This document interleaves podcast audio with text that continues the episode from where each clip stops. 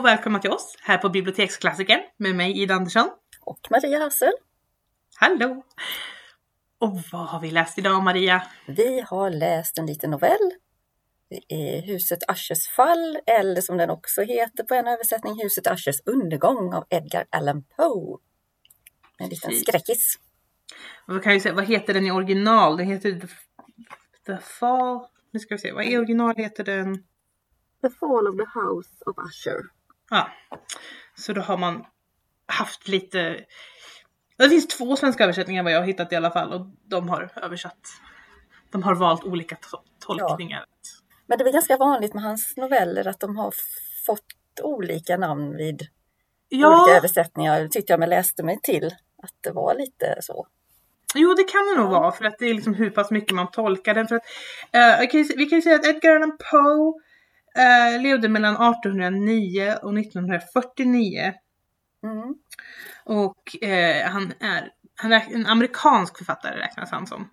Eh, även om han har som amerikan, han har irländskt ursprung och sen har han bott i Skottland ett tag. Men han föddes och han dog i USA. Eh, han var han var tydligen någon av de första att eh, verkligen leva på sina skriverier. Alltså på sitt författarskap. Mm. Eh, så skrev han i tidningen, han var, eh, lit, han var recensent också. Litteraturkritiker. Tydligen väldigt, väldigt vass och elak. Ja, han fick väl mycket ovänner Oh ja, sätt.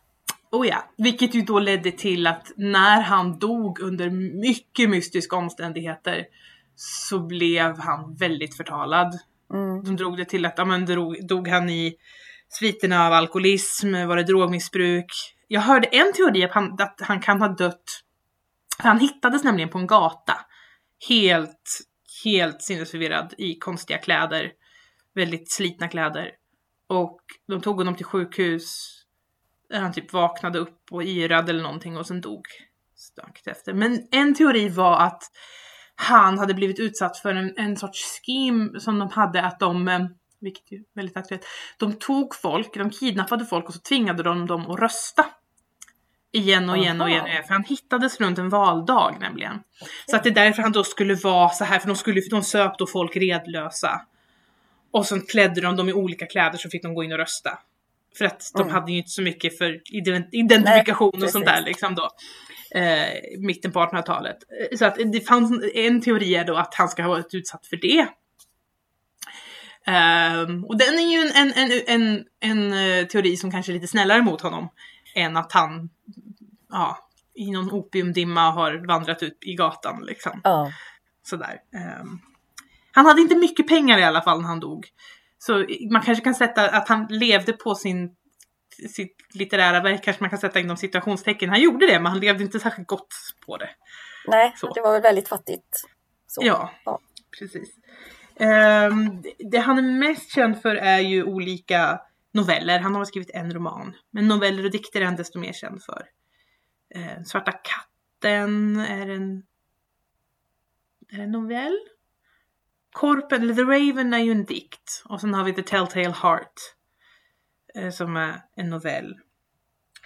Och eh, Murders in the Rue Morgue, som Morden på Rue Morgue. Som är en, var en inspiration till en tidigare bok vi har pratat om, Sherlock Holmes. Precis. En väldigt stor inspiration till det. Så han jobbade mycket inom deckare och skräck. Och, och lite den här, den mörka sidan av eh, mänskligheten. Mm. Ska vi, och han, han, initi, alltså det var han som kom upp på många många, vad ska man säga, många tropes, må, många, många saker inom genren, som, i de olika genrerna. Som inom, inom deckaren så var det då liksom, han kom upp med det här, det, det, det omöjliga brottet, alltså det här Mm, låsta, precis. locked room. Mm. Hur har det här hänt? Um, mordhistorier som byggde på verkliga fall. Också han var han tidig med. Ehm, det här att de gillar en fälla för mördaren. Och att det är den du minst misstänker som är mördaren. Precis. Ehm, det var liksom han som var han tidig med att skriva. Ehm, den vi har läst nu, The House of Usher, ehm, The Fall of the House of Usher, kom 1839. Um, och den var väl... Ja, det är en av de mest kända. Och den har, alltså... Den är också varit stilbildande, skulle jag nog säga. För det här lite gotiska, Mm. amerikansk gotik. Um, ehm, de, han var i och med att han ehm, han hade det här väldigt eh, illa ryktade slutet på att det gick så, de kunde smäda honom så mycket så var han bortglömd väldigt länge. Men sen återupptäcktes han och nu har han ju blivit den amerikanska författaren. Liksom. Precis. Framförallt i USA. Runt halloween åker han ju upp hela tiden. Det är väldigt mycket, då, väldigt mycket Poe då. Mm. Och han, det finns ju ett väldigt känt porträtt av honom. Han är en av de få, eller en av de tidigaste författarna att verkligen förknippas med sin egen bild. För att det finns liksom ett svartvitt porträtt av honom som stämmer väldigt väl också. Han ser lite smått, ska man säga, lite, lite jagad, lite sådär ut på bilden. Håret lite, lite rufsigt sådär. Så. Inte jättemycket, alltså inte, vi pratar inte Beethoven rufsigt utan bara lite så här nicely tussled. Um, så att det, det är ju det också att han, han har en bild du kan bygga på. Han, jag tror nästan på, för många är han bara bilden av honom är mer känd. De har sett en bild av honom men det är inte säkert de har läst några texter av honom. Nej, det är nog sant. Mm. Så. Ehm, även om det, hans verk ofta används ehm, att göra parodier på eller inspireras till annat och, och sånt där. Kanske det mest The Telltale Heart de brukar. ehm, jag vet inte, vad heter den på svenska? The Telltale Heart. Nu ska vi se, jag såg det alldeles, alldeles nyss. Ja, Det skvallrande hjärtat. Ja. Mm, that works. Ehm, men den texten vi har läst, vad handlar den om Maria? ja du, vad handlar den om? Den, det är ju en, vad ska man säga, en, en jag-berättelse. Det är en berättare som vi aldrig får veta namnet på. Jag tror inte det. Nej. Och eh, den här berättaren då har fått ett brev från en eh, ungdomsvän eh, som heter då Roderick Usher som äger det här stora huset. Eh, och eh, vännen ber ju honom, eller snarare vädjar till honom att han ska komma och besöka honom. Eh, och han nämner både att han ja, akut kroppslig sjukdom och eh, mental förvirring. Så det, ja. Eh, och samtidigt så, även om den här berättaren då liksom känner honom sedan tidigare så, liksom vet han inte så mycket om honom. Om Usher egentligen. Och han minns honom som eh, ganska reserverad. Eh, men de var ju ändå väldigt förtrogna som, eh, som barn då, eller under pojkåren då. Eh, och själva boken den börjar egentligen då att berättaren kommer fram och ser huset eller byggnaden, egendomen så här, slottet kan man väl säga. Och han sitter där på hästryggen och han liksom känner någon sorts djup förstämning när han ser det här huset. Och eh, han tycker både att, eh, både att byggnaden och naturen är liksom lite skräckinjagande och han får liksom lite olustiga känslor. Och, ja, känner sig påverkad helt enkelt. Och eh, huset känns, ja det är ju liksom uråldrigt känns det som och det växer liksom svampar på kanterna och hänger ner från taket. Och, ja, det känns lite ruggigt sådär. Man får en sån känsla direkt. Eh, och vid en närmare granskning så ser han att det är som en liksom spricka från eh, taket och ner, zigzag ner, ända ner i, i liksom vattnet. Då. Så att eh, det är väldigt sådär, vad ska man säga, bildligt och man får liksom bilder i huvudet av den här texten. Eh, och det nämns också då att, att folket eller bönderna runt omkring alltså de brukar liksom använda benämningen huset Asher både om själva eh, familjen och om själva egendomen. Det nämns vid något tillfälle. Eh, och när han kommer fram till huset och lämnar hästen då till en tjänare och en annan tjänare öppnar och han följer honom in där och så går de längs mörka labyrintiska korridorer och det är liksom gamla möbler och det är slitet och eh, ja, det det är väl väldigt sådär lite skräckinjagande. Och sen när han väl möter, kommer fram till Roderick Usher, så känner han knappt igen honom, för han förändrats väldigt mycket tycker han. Och han beskriver ju honom, hans utseende och han, han eh, har likblek hy och han har väldigt stora glansiga ögon och eh, tunna men väldigt vackra läppar. ja, det är liksom sådär lite, mm, ja. Och eh, håret ser ut som spindelväv och liksom, han har låtit det växa. Och det, ja, det är också väldigt sådär, ja, vad är det här för en typ egentligen? Um, och eh, jag ska faktiskt in ett litet citat där också när han, han eh, kommer in där i, eh, bland de här husen, då han, eller rummen. Att han kände att han inandades en atmosfär av sorg. Så han blev väldigt påverkad av det här huset och allt runt omkring. Eh, och eh, Asher, han, är, han beter sig också lite konstigt. Han är lite skum och lite... Han verkar väldigt nervös och orolig och ja, det, det är något konstigt. Men han har ju också berättat in i brevet också om mental ohälsa typ och lite sådär så att han känner ju att det är någonting. Eh, och eh, vad är det mer? Jo, han ehm, den här sjukdomen gör ju, alltså han har någon sjukdom liksom i släkten som eh, liksom ärvs från generation till generation. Och liksom han eh, sinnesintryck och sånt är väldigt starka så att eh, han kan bara äta mat som är väldigt smaklös och ljud eh, irriteras han av och ja, det är mycket sånt där. Och ljus har han svårt för och han kan bara använda vissa olika tygsorter som liksom är mjukt så att det inte liksom skaver. Och, ja, han är väldigt känslig, rent kroppsligt också. Eh, och han, är, ja, han är ju liksom, har ju ett väldigt svårmod och han känner liksom en oro. Men det är inte så konstigt heller för han har ju en syster som också är i huset och hon har varit väldigt sjuk under en lång tid. Och eh, just den här kvällen som den här berättaren kommer dit då, då blir hon sängliggandes. Och hon är ju sjuk och hon är väl typ döende får man ju veta också så att det, det är illa ställt. Så det är inte så konstigt att den här Roderick mår dåligt själv och blir påverkad av detta. Eh, och sen efter några dagar bara, och då har ju den här vännen försökt, eller berättaren försökt att liksom muntra upp honom på olika sätt och distrahera honom och så här. Helt plötsligt så kommer då Asher och berättar då att eh, Madeline har avlidit, att hon har dött. Och han ber då Asher om, om hjälp, att de ska liksom eh, begrava henne tillfälligt nere i, ett, i valvet nere i källaren för att den riktiga begravningen kommer inte bli av förrän om två veckor framåt. Så de måste ju göra någonting med liket då.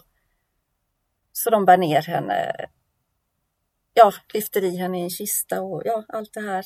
Och då ser ju då eh, berättaren att, att eh, syskonen är väldigt lika. Och då berättar ju att de är ju faktiskt tvillingar. Och det har han tydligen inte vetat om då, utan det kommer fram där. Eh, och de lyfter ner eh, kistan och allting. Det, här, det här varit en gammal, använts som en gammal fängelsehåla. Det är väldigt sådär, ja, inget ljusinsläpp och det är mörkt och ruggigt och knappt någon luft där inne. Och ja, där stänger de in den här kistan i alla fall. Och eh, vad hände sen då? Jo, han... Eh, Asche blev väl lite... Han sjunker väl ännu mer? Liksom. Ja, blir... det påverkar honom i alla fall det här och han... Eh, ja, det blir, en, det blir en förändring hos honom, ytterligare en förändring på något vis. Och han, ja, han glömmer ju liksom vanliga sysslor och han blir ju lite konstig. Och han går, vandrar runt emellan rummen och ibland kan han bara stå rätt upp och ner och typ stå och stirra precis som att han väldigt koncentrerad på någonting som man inte en betraktare inte förstår riktigt vad han pysslar med då. Så att han, ja, han är lite, lite konstig. Eh, och eh, den här eh, berättaren, han blir ju han blir väldigt påverkad också. Han blir liksom skrämd av allt det här och känner att han blir eh, men han försöker intala sig då också att eh, nej men det, det är ju liksom den här mörka inredningen på något vis som, som påverkar honom, att han ja, mår lite konstigt och har konstiga tankar och känslor själv då.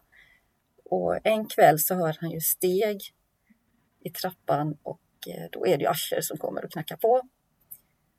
Och eh, han är ju, ja, han verkar väldigt upprörd och säger någonting typ, ja, har, har, du inte sett det eller någonting? Och så går han och öppnar fönstret. Och då stormar det ju utanför och eh, det är ju moln, alltså mycket moln och så här så att månen syns inte men ändå är det något konstigt sken. Men berättaren försöker då liksom, nej, nej, det här ska du inte titta på utan det här är bara normalt. Det är liksom bara, elek säger han, elektriska fenomen eller mm. ja, någonting sånt här som inte jag fattar riktigt men ja, alltså att det typ är naturligt, att det är inget konstigt utan drar in honom då och han sätter sig in, sätter honom i en stol där typ och stänger fönstret och så. Eh, han försöker liksom distrahera honom. Han tar fram en bok i alla fall och börjar läsa för honom. Eh, Galne trist hette boken. Var kanske inte så lämpligt men han börjar läsa högt ur den här boken i alla fall för Asher då. Och eh, när han läser en textrad då som lyder eh, rysligt klingande buller i golvet så hör de typ någonting som eh, metalliskt som klingar i verkligheten då. Så det, det är väldigt spännande. Och eh, berättaren rusar ju upp och liksom undrar vad det här Men Asher han sitter bara och vaggar i sin stol där liksom typ och sitter och mumlar och, och liksom berättaren, han hör ju inte först vad han säger och liksom går fram och liksom lyssnar verkligen så här, vad, vad, vad, vad är det han säger? Och då hör han att han mumlar då, jag vågar inte tala. Eh, vi har lagt henne levande i kistan. Eh, hon står utanför dörren. Och eh, då öppnas dörren och mycket riktigt, där står Madeleine och hon är liksom blodig vid svepningen och har väl liksom lyckats ta sig ur kistan där och liksom ja, vara levande. Men nu är det sista dödsryckningarna ungefär. Så att hon faller över sin bror. Och han dör av fasorna. Och eh, berättaren naturligtvis flyr i panik, tycker det är väldigt obehagligt. Och stormen rasar utanför och då kommer det fram en blodröd måne som lyser. Och den här lilla sprickan som talades om i början, den liksom blir större och större. Och man hör ett dån. Och eh, vad är det den slutar med? Jo, den djupa mörka kärnan det sluter sig tyst över spillrorna över Ashers hus. Och ridå, där är den slut. Ja. En riktig skräckis. Kan man säga. Ja, som, det är det. Ja, den, jag tycker det är en perfekt skräcknovell. Som liksom knyts ihop. Det gillar jag. Ja. Ja, det är liksom inte... Det är inget öppet slut. Det är, det är liksom inget sånt där som det kan vara ibland. Uh, även om det finns antar jag oklarheter? I don't know. Ja, um, jo. Lite så. Det gör det ju. Mm när, när jag um, när jag läste den första gången så var jag lite så här hände det där verkligen eller var det där bara typ en inbildning? Mm. Det här när, när Madeleine dyker upp. Mm. Skulle hon vara liksom på riktigt eller skulle hon bara vara en vålnad? Uh, jag fick läsa om just det stycket ett par gånger. Uh, för det är lite så här var det ingen som var kollade? För Asher har väl, har han inte sagt, säger han inte att att han har hört henne länge. Jo. För att han har ju så han. väldigt bra han har hörsel. Han liksom. vågade liksom inte typ Nej. gå ner och kolla men han har hört ljuden. Vilket, alltså du länge. hör det! Och hon har, för det hon har lidit av har ju varit, vad kallar de kataklysmer. Vilket är en form av liksom katatoniskt tillstånd där du fryser. Mm. Du blir helt, du blir inte stel utan du blir liksom bara borta och folk kan röra dig som en docka. Alltså de kan lyfta din arm, de kan manipulera dina kroppsdelar och du gör inget motstånd till det. Mm. Uh, det är liksom ett symptom på, kan vara på flera olika saker. Jag var tvungen att slå upp det här för jag sa, vad är det här för någonting? Ja, jag känner Eh, detsamma. Liksom, vad, vad är ja. det? Vad är det? Så att, och det lider hon av och det har, de här anfallen har ju hon fått många gånger. De här Mm. kataklysmiska, eller kata, alltså de här anfallen när hon blir sån. Så att de då liksom inte, kan det ha varit det? Så vi tar och kollar det. Precis. För det här är under 1800-talet. Under 1800-talet var det en skräck att bli begravd levande. Mm.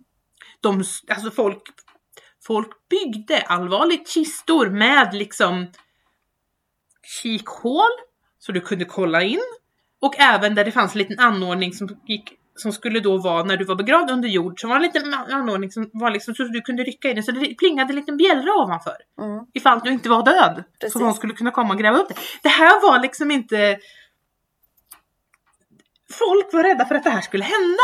Så att om du då har så pass väl hörsel, det här har hänt förut, och så hör du de här grejerna. Varför går du då inte och kollar? Nej, det är jätteförvånad. Och det ju också att, att hon är liksom lite rosig och lite Ja. sådär när de liksom eh, lägger ner henne i kistan och allt det här. Så man tycker liksom att man kan inte vänta lite Ja, då. precis. eh, Eller? För att han lägger ju en av anledningarna till att han ber att Usher ber sin vän lägga undan henne är ju lite underförstått att läkarna börjar göra konstiga grejer med henne annars. Liksom, de är lite väl... Eh, de kan vilja göra experiment och allt möjligt så. Så därför Mm. vill han lägga ner henne där då innan hon begravs. Eh, sen vet jag inte om hon ska begravas under jord eller lägga i familjekryptan. För delvis, vi har ju viss, till viss del finns det ju en del äldre kryptor här i Sverige också liksom när man begravs ovan jord. Men det är mer vanligt i USA. Mm. Där är det även vanligt folk som är begravda liksom i krypter eller ovan jord. De balsamerar mycket mer än vad... Balsamerar i stort sett alltid. Om du inte säger till om det och då kan du ju bara lägga dem i en kista ovan jord. Ehm, de ska inte förmultna inte. Ehm, men det har de inte gjort. De har inte balsamerat Madeleine. För då skulle hon varit död. Definitivt.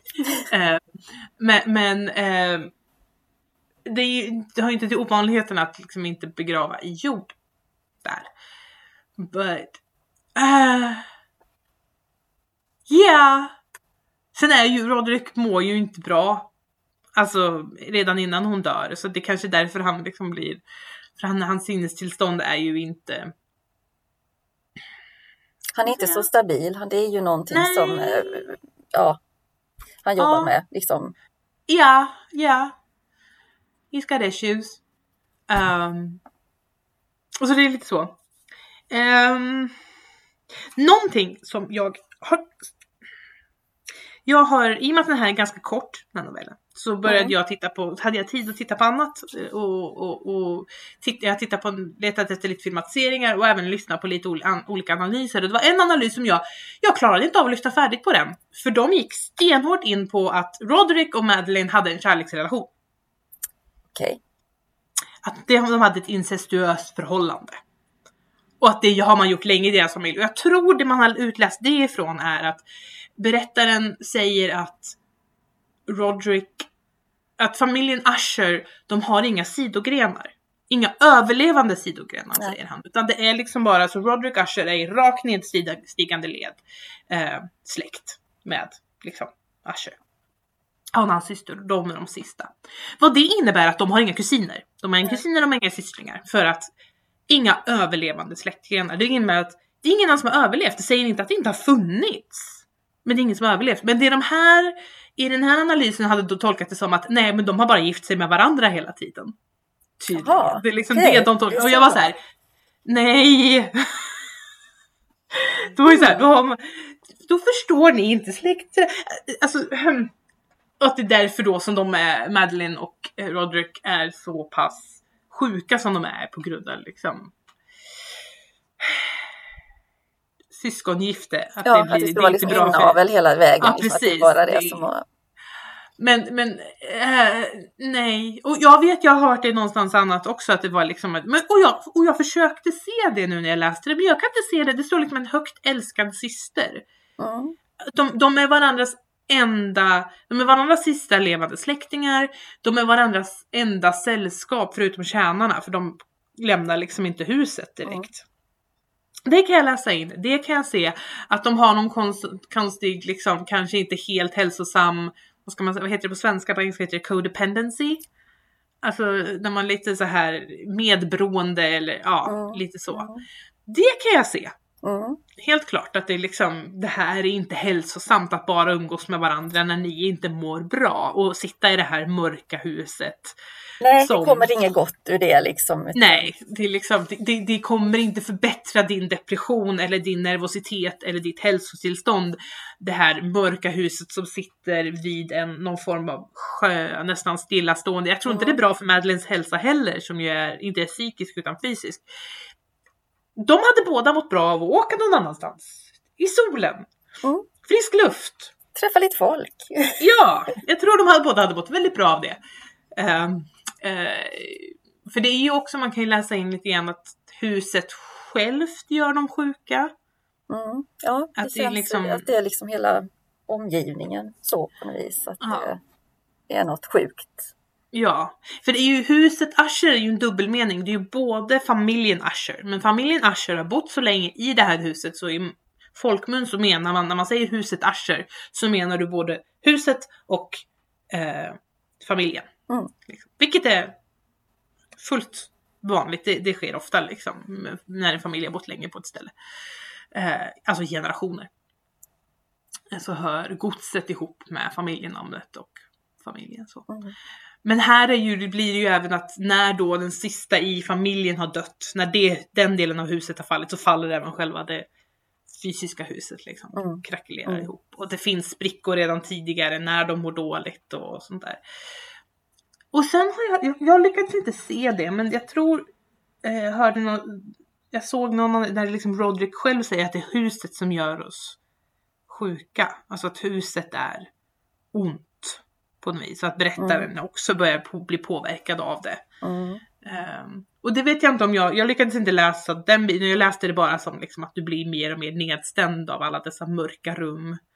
Ja, och att det är liksom gammal, gammalmodigt allting och liksom Mm. verkligen slitet och liksom att det är ja, mörkt och långa korridorer och liksom. Mm, Nej, jag har inte heller läst, läst in det så. nej. Utan det är mer, ni behöver ett miljöombyte. Ja, All of you. Eller komma ut i friska luften, men här verkar det inte vara så frisk luft ens nej, vid huset. behöver, Som vatten, alltså allting är stillastående och det känns eh, som, nej, det är ingen bra miljö. nej, det, det, det är inte det. Ehm, Men sen tänker jag det här att de är nära, alltså det, för det läste jag också, det var ju någon av de svenska översättningarna, det var lite ett förord. Det var också det här lite incestuöst liksom, som inte jag har läst in nej. alls. Jag vet, vet riktigt var man får det ifrån, men däremot så tänker jag då liksom, de är ju tvillingar, kommer ju fram. Mm. Alltså, man, man, många tvillingar har ju något sorts extra band, kan man ju ha. Och då tänker jag mer på det, liksom att de är nära. Ja. Där liksom är det släktskapet Ja. på något vis. Liksom. Och det är liksom för att Roderick är ju väldigt förtvivlad över att Madeline mår så dåligt. Och ja, det är ju liksom, som du säger, de är tvillingar, de har alltid haft varandra. De har aldrig varit utan varandra. Den andra har Mm. alltid funnits. Um, och det Och de ju är de sista liksom. Ja, precis. kvar, så det blir det ju ännu mer. Ja. Tvillingar kan ju ha ett väldigt speciellt band. Alltså det finns ju tvillingar som har eh, ett e- innan de börjar prata på riktigt nästan så har de ett eget språk de pratar med varandra. Mm. Det är ganska vanligt förekommande att tvillingar får ett eget språk. Sen brukar det släppa, alltså de brukar lämna det språket. Och vi, men ofta har de liksom, för de börjar ju oftast kommunicera ungefär samtidigt eftersom de är samtidigt i liksom sina, i sin utveckling. ja, Vilket eh, syskon kanske inte har, men de är, för de är ju exakt lika gamla. precis. Ehm, så att det, det kan, det är ju inte, det tycker jag inte är att läsa in för mycket, att de har ett väldigt nära band. Och att Nej. de påverkar varandra väldigt mycket. Och sen att de speglar varandra lite grann också det här att Madeline är sjuk kroppsligt och Roderick är sjuk själsligt. Liksom. Mm. Att hans själsliga sjukdom blir värre när hennes kroppsliga sjukdom blir värre. Ehm, att de är man kan läsa det som att de är liksom två delar i en kropp, så att Mm. säga. Ehm, och kanske till och med läsa in att hash, ash, huset, fysiska huset är en ytterligare en del. Mm. Eh, men eh, ja, i och med att de sen dör tillsammans. Så också. Ehm.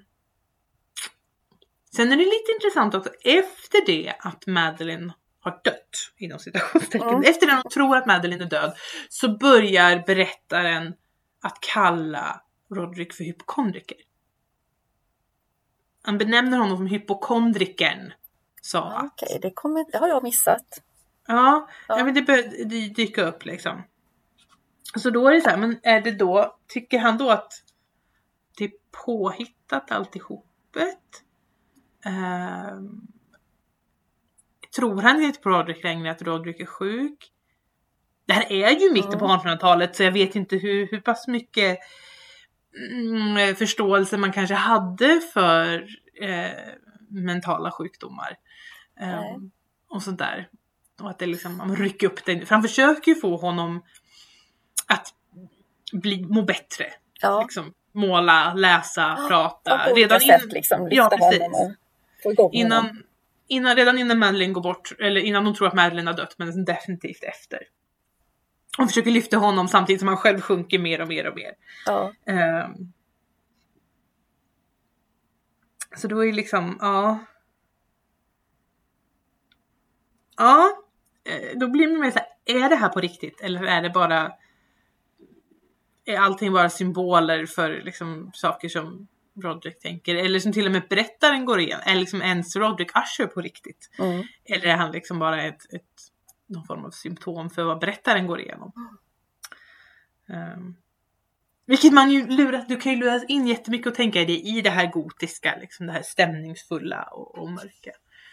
Ehm, ja. Lite så. Um, jag kan säga, det finns väldigt många filmatiseringar av den här eftersom den är ganska gammal. Och jag tror att så här, rättighets, rättigheterna var fria nästan redan från början eftersom Paul var död, hade han inga barn. Och, eh, han var bortglömd och sen när han väl Mm. hittades igen tror jag inte det fanns någon rättighetsinnehavare. Så den var liksom, och den, det finns mycket att gräva i, men du kan göra mycket med den. Så det finns bland annat, de första filmerna som gjordes på den var stumfilmer. Mm. Ehm, och jag har sett en och en halv, jag, jag, jag vet du har sett för jag skickade den till dig. Sett en bra och en som jag gav upp på. Där hade de tagit sig för mycket friheter. Där. Ehm, en, en fransk stumfilm. ehm, där de eh, gjorde Madeline till fru Usher. Att hon och Roderick var gifta. Så där drog de väldigt hårt. Jag vet inte Ja. om de skulle varit syskon från början men de valde i alla fall att göra dem till hustru och man och det var så här, nej. Och så gjorde de till att hon styrde allting med en järnhamn med sin nervositet. Och jag sa, det här går inte alls ihop med, nej, nej, nej, nej, jag får du inte kände, det. kände inte igen detta riktigt. Nej. Nej. Men den andra däremot, den som jag skickade till dig som var, det är en väldigt kort stumfilm och jag, den hade en sån här titelkort eh, i sig. Ehm, och den är, alltså den är nästan som en sån den var väldigt konstnärlig. Ja, väldigt, väldigt Ja, konstnärlig och mm, experimentell. Alltså att man verkligen Ja. testar liksom. Ja. Ja, den, ja, den var Mm. häftig. Den, den var lite. ja den, den, den var, den var snygg. Den Den, den, var, den var också det här att det här kunde man göra med stumfilm. Mm, Som man sen, det som, det här när man lägger olika filmlager, alltså filmlager på, man kan jobba med saker på ett helt annat sätt som försvann sen när ljudfilmen kom. Och mm. inte kom tillbaka förrän långt senare när man kunde börja specialeffekter på ett annat sätt. För att du kan inte fuska, i början kunde du inte fuska med ljud lika mycket. Och så här, för att det var, det var helt nytt. Och, eh, och sen så småningom kom färgfilmen och då blev det ännu svårare. Men där kunde du göra väldigt mycket med att här inbildning och allt möjligt. Och, och ja. Den, den, den var den, den tyckte jag var bra. Ehm, och sen hittade jag, nu skickade jag också till dig en animerad film. Den måste vara ganska nygjord men inte för ny för den var eh, en animerad film mm, där Christopher Lee gjorde, var berättarrösten Och även var han ju Roderick Usher liksom i lite, men det var han som var. Den tycker jag också var bra. Men ja, den, jag, tyckte den, ja, jag tyckte om Mm. den. den, den, den var bra. Den däremot var lite så här. Där har de ju lutat på att det är inbildning. För när Madeline dyker upp där. Först ser ju inte berättaren henne men sen dyker hon upp Mm. från ingenstans. Och faller på Usher och han dör och sen är hon borta. Mm. Och han faller ner i huset. Så då är det lite så här, då är hon mer som en någon form av vålnad eller någonting sådär. Men, men eh, den var ändå, den var också så här lite suggestiv. Den, den var väl kanske lite övertydlig med att den här sprickan i huset bara jagar mer och mer i nästan Mm. varje scen är den med. Men ja, nej, den, den var ändå bra. Men sen finns det, oh, det finns andra, jag har, let, jag har letat efter en som är från 1960-talet.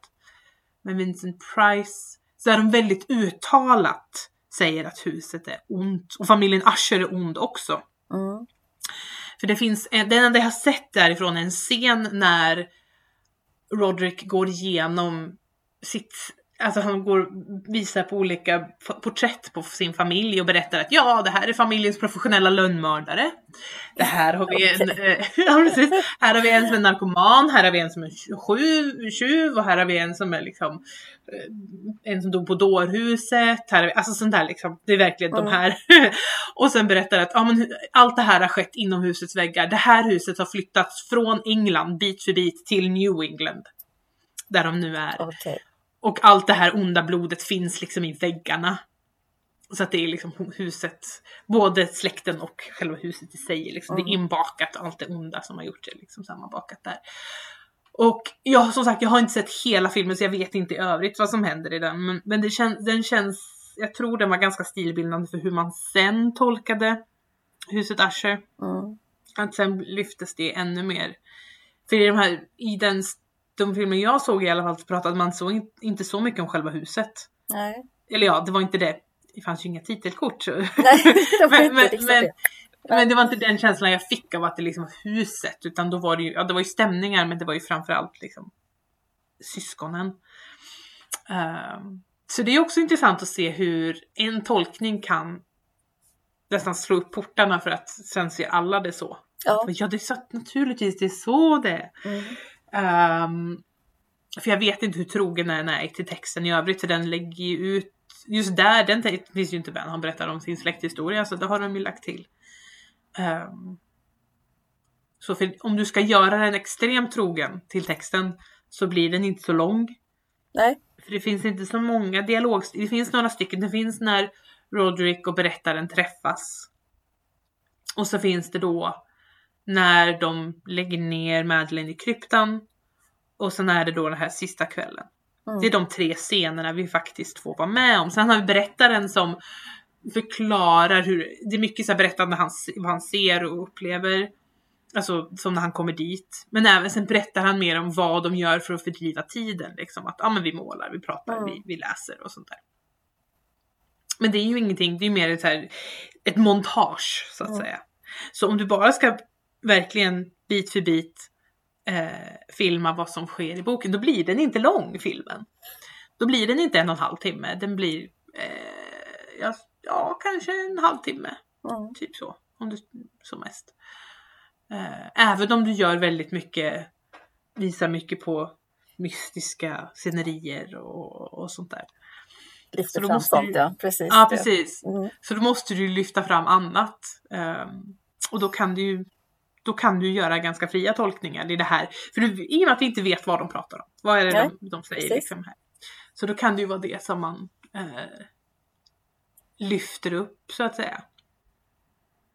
Någonting som slog mig Mm. som bara för, bara för att samvärlden just nu är extremt. Har du sett den senaste Disney-filmen? Encanto? Nej.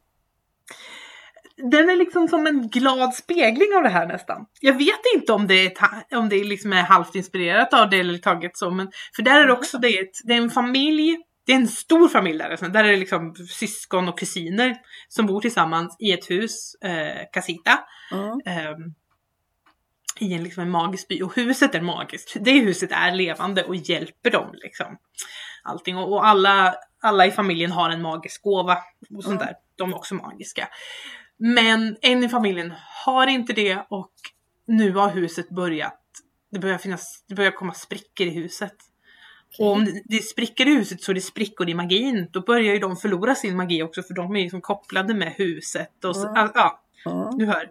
Men där är det snarare de ska rädda magin och rä- rädda huset. Liksom. Det är det du går ut på. Ja. Och, och försöka binda samman familjen igen. För att det är väl på grund av strid, eller inte stridigheter men på ett sätt konflikter i familjen. Vad de har för förväntningar på, alltså de har alldeles för höga förväntningar på sig själva och sånt där. Och egentligen mår ingen bra. Nej. Eh, Nej, det är en, en, en bra film, och, och, men den är väldigt färgglad och, och, och, och glättig och, och liksom mm, extremt färgglad. Den är jättehärlig att titta på. Och så, så den är liksom typ en glad spegelbild. Kanske på- någon som har blivit lite inspirerad. Tänk, Ja! vad kan vi göra med detta? De här sprickorna, så familjen och så får vi Ja. det. Så, ja men barnfilm här, eller Ja, familjefilm. precis! Precis! Och så lite så här, för att det är ju, ja, ehm, och det är som sagt, de, där är de inte de sista utan de är ju liksom, de, det är en familj som växer mer och mer. Att det, liksom, Mm. det är det det går ut på. Mm. eh, med att ku- kusiner bor tillsammans också. Alltså de bor, det är, eh, det är mormor och, och, och, och mamma och mostrar och, och, och morbröder och så, så kusiner liksom som alla är ett hus. Så huset liksom växer med dem. Mm. Så, så det är liksom den, mot, den, den glada Ja. motsatsen liksom. Så det, var, det, slog mig, jag vet inte om det var igår eller förrgår, bara oh! Ja. Och till och med då när det liksom är väldigt färgglatt och så här liksom. Verkligen. Ja. Ja, Precis. lite kul eh, analys så liksom. ja, det kommer Ja men det, ibland är det så det ploppar upp någonting så men det här känner jag igen fast på ett annat sätt. Ja, det är precis. så det funkar.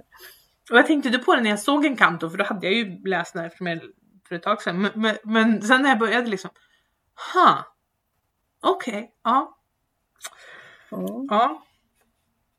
Nej, det, det, och som sagt, finns det, det finns väldigt mycket, mycket analyser på Youtube av den här, för jag tror att eh, det är en populär novell, tror jag, jag tror de läser den en del i skolan i USA. Mm, det kan jag tänka mig. Det är liksom, Du kan prata, ja, det är liksom ja. en lagom lång och så kan man liksom få Ja. ihop en bra diskussion liksom. Och, Och du kan prata symbolik Ja. och, och genrer och, och liksom du kan dra, det på, dra ganska många växlar på det eller så kan du bara Precis. prata om vad sjutton var det som hände. ja, att det, var, det var bara konstigt liksom. Ja. Men det är ju ändå eh, mycket man kan diskutera då. Och så just Ja. att han, att Poe är sån, alltså varit förebild för många liksom och verkligen Mm.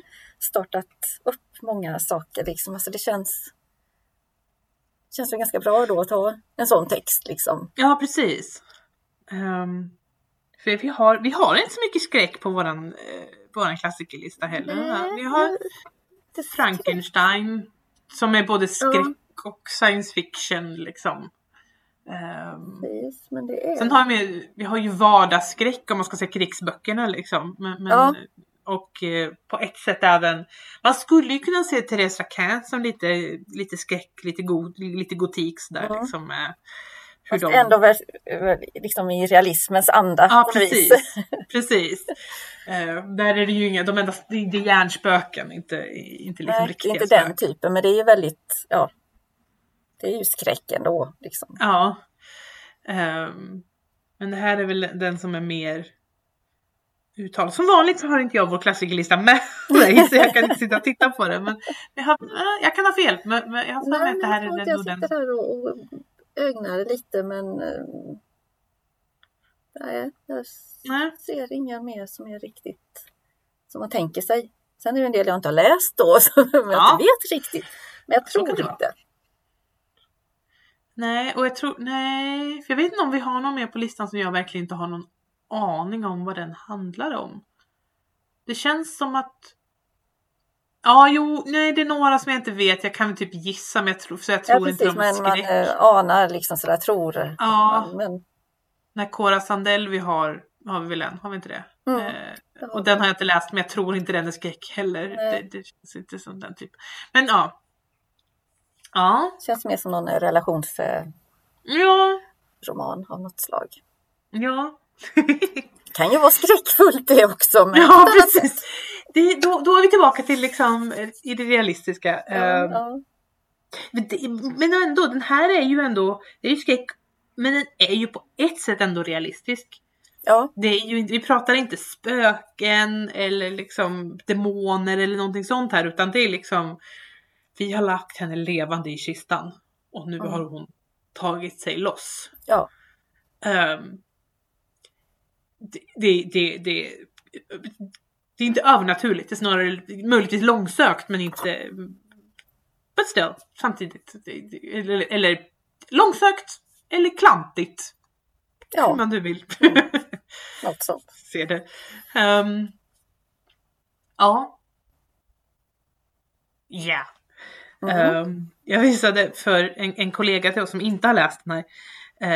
Lis- visade jag en, eh, det finns en, en, en kanal på, på Youtube som gör väldigt bra och roliga moderna sammanfattningar av dessa klassiker som heter Thug Notes. Okej. Det, det är en kille som liksom går igenom eh, olika klassiker och han har gjort den här då och, och, och, och hon visade den för henne och hon hade färdigt hon bara What the f- Ja. vad, vad, vad, det där? vad är det här för någonting? För det är ju lite, ja nej han har råkat begrava sin syster levande och så kommer hon upp och faller på honom och så dör de båda två. Okej. That's... Mm. Typ. Ja, Mm. det, det är liksom... Hoppas inte det händer allt för ofta i Nej. livet. Men eh, Nej, så, men som sagt, det var ju en oro de hade då. Alltså var, de hade Ja. mycket oro. Runt 1800-talet eh, var det mycket oro just kring, det, visst var det orolig för döden, men sen var det här att ja, bli begravd levande var man orolig för. Eh, de, det var därför de hade, det finns, det finns ju olika uttryck i engelskan. Eh, graveyard shift och dead ringer. Och det går ut på då liksom att de hade ju de här bjällrorna mm, det är dead ringer. mm. Och sen var ju någon tvungen att sitta och vänta se om det skulle höra. Då var ju någon Precis, tvungen att sitta vakt. på det. Precis, och då har vi graveyard shift. Eh, på nätterna där då, även på dagarna. Men framförallt på nätterna när ingen annan går förbi. Eh, så det fanns ju liksom den här oron. Man tänkte nog mycket på döden. Eh, och sen var man ju orolig för att det tar, alltså det, har, det här att han in, han vill lägga henne ändå nere i kryptan. För det skedde ju ganska ofta att nu för tiden, när du går bort, så kan du välja att donera din kropp till vetenskapen. Och det, då kan de använda den på många olika sätt, men eh, och nu för tiden har vi ju också bra vad ska man säga, anatomiska dockor Mm. på ett annat sätt. Mm. Men när du skulle lära dig anatomi förr, sättet att göra det var inte en docka. Nej. Utan det var liksom ett riktigt, en riktig kropp. Och det är det tror jag till viss del idag också. Alltså, alltså medicinstudenter måste jobba med, måste få Ja. riktiga kroppar att jobba med för att lära Precis. sig. Och idag kan du liksom donera till det och jag tror en del gör det. Mm. Ehm, kunde du inte riktigt göra då? Nej. De kroppar som var tillgängliga tror jag utan problem var kroppar av folk som hade avrättats. Mm. För de var liksom okej. Det var ändå folk som, visst, de här kommer ändå hamna i helvetet, de behöver inte vara hela. Men sen stals det mycket kroppar. Det var ett helt yrke att gräva upp kroppar och sälja det till eh, läkare, till Mm. medicinstuderande, till professorer. Eh, och det heter, heter det anatomist? Jag kommer inte ihåg vad det heter. Eller vi, vi, ja, det, det, het, det heter något. Det var inte lagligt. Nej. Men, eh, men folk gjorde det ändå. Eh, så att det, det fanns, alltså det, man hade en, ett, en annan tanke på döden än vad vi har haft mycket på modern tid. Nu, i den tiden vi har levt nu i två år, så kanske vi har fått en annan bild av döden. Mm. För vi lever med den på ett annat sätt. Samtidigt ändå inte, för den är inte riktigt så pass nära Nej. känner jag som den var då. Och du hade också... Du hade inte grävskopor då heller. Nej. Vilket innebär att mitt i vintern, när det är tjäle i marken, får du inte ner dem i jorden. Det blir problematiskt. Ja, men å andra sidan är det då kallt så att inte, du kan bara lägga dem i ladan. Mm. Vilket ju finns berättelser om liksom att folk som har haft äldre släktingar liggande i ladan Mm. för att det har varit mitt i vintern. Och idag händer ju inte det. Nej, Även om, inte, om folk inte kan, delvis kan du få ner dem, alltså vi har andra verktyg. Men sen också att då kanske de åker, då hamnar de på bårhuset. De är Mm. borta från oss. Ehm, vi har liksom inte döden och våra döda så nära oss längre. nej. Det är sant. Det, ja. Och jag undrar om... För jag sa i början att den här har liksom inget öppet slut. Utan det är liksom färdigt. Men en skräckroman idag brukar ofta ha ett öppet slut, tycker jag. Mm. Att det är Det liksom... är det vanliga ja, ju. Att det, ja, mm. för att det lämnar oss med ett obehag. Eh, och det är ofta mycket mer, sker det här i, i ditt huvud eller inte? Mm. Eh, den är inte så konkret som den här är. Nej, Den här är väldigt konkret. Du kommer till ditt hus, det är riktigt obehagligt. Din vän mår inte bra, hans syster mår inte bra. Hon, du tror att hon dör och sen visar det sig att ni har begravt henne levande. Hon kommer tillbaka, står där och är alldeles blodig och förstörd. Faller på din vän, han dör, allt det här framför dina ögon. Du försvinner därifrån så fort som möjligt. Det är liksom, du bara lägger Ganska på benen. förståeligt. Du, ja, du lägger benen på ryggen. Helt, helt förståeligt. Helt vettigt kan jag Mm. tycka. Ja. Medan idag så hade det snarare varit lite mer eh, krypande. Ja, det är ju lite krypande här också. Det hinner inte krypa så mycket för den är inte så långt. Men nej. det hade liksom mer varit någonting. Ja. Är det här på riktigt eller inte? Och, Mm. och sådär. Är det något som på, händer? Precis. Eller var det en dröm? Ja, lite så. Lite så. Um. Mm.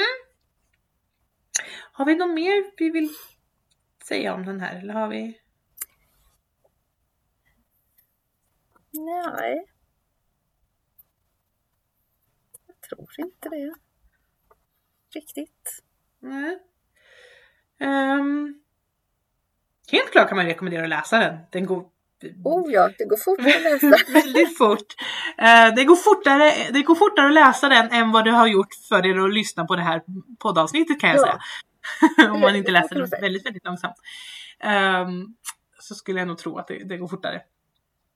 Ehm, och ska man välja, om man vill välja någon från klassikerlistan så är den här ganska bra just då att Det är väl Den den, kortaste vi har. Det är väl Ja, egentligen den enda novellen vi har, tror jag.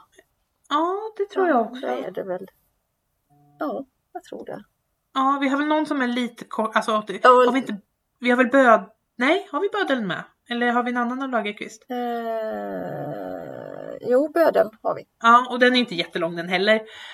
Men eh, den är längre än den här.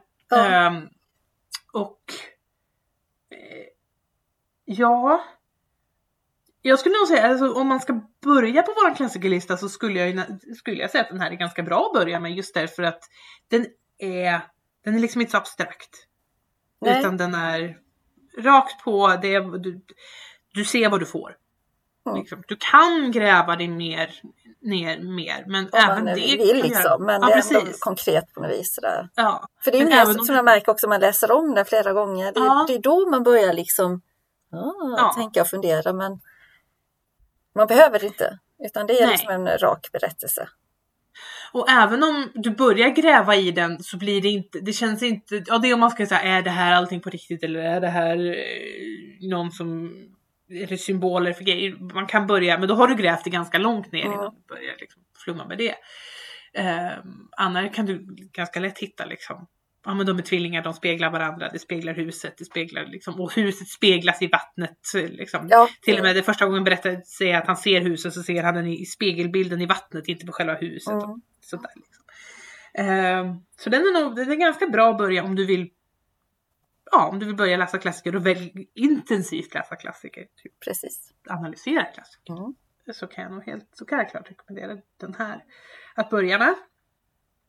Ehm, ja, vad ska vi läsa nästa gång Maria? Nästa gång då blir det faktiskt Flugornas herre av William Oh. Golding. Mm. Så det blir spännande. Det blir Ja. något helt annat än det Ja. här. Faktiskt. Kan jag nog Eh, lova. lite, lite skräck är det väl skräck, den ja, också. skräck men på ett annat sätt. På ett annat sätt. Jag har inte läst den men jag vet vad den handlar om.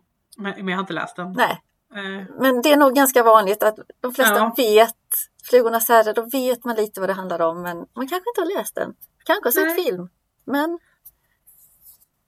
jag rekommenderar boken.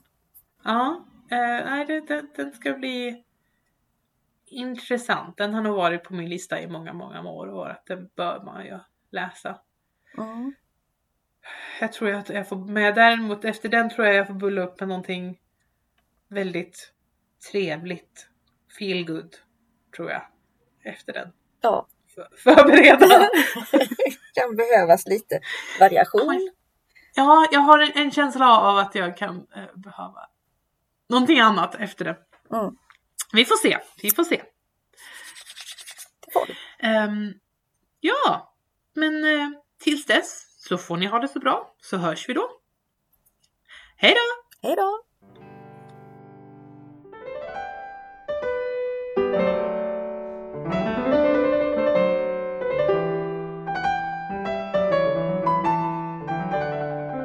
Du har lyssnat på Biblioteksklassikern Andersson och med Maria Hassel. En podcast från Gislaveds bibliotek.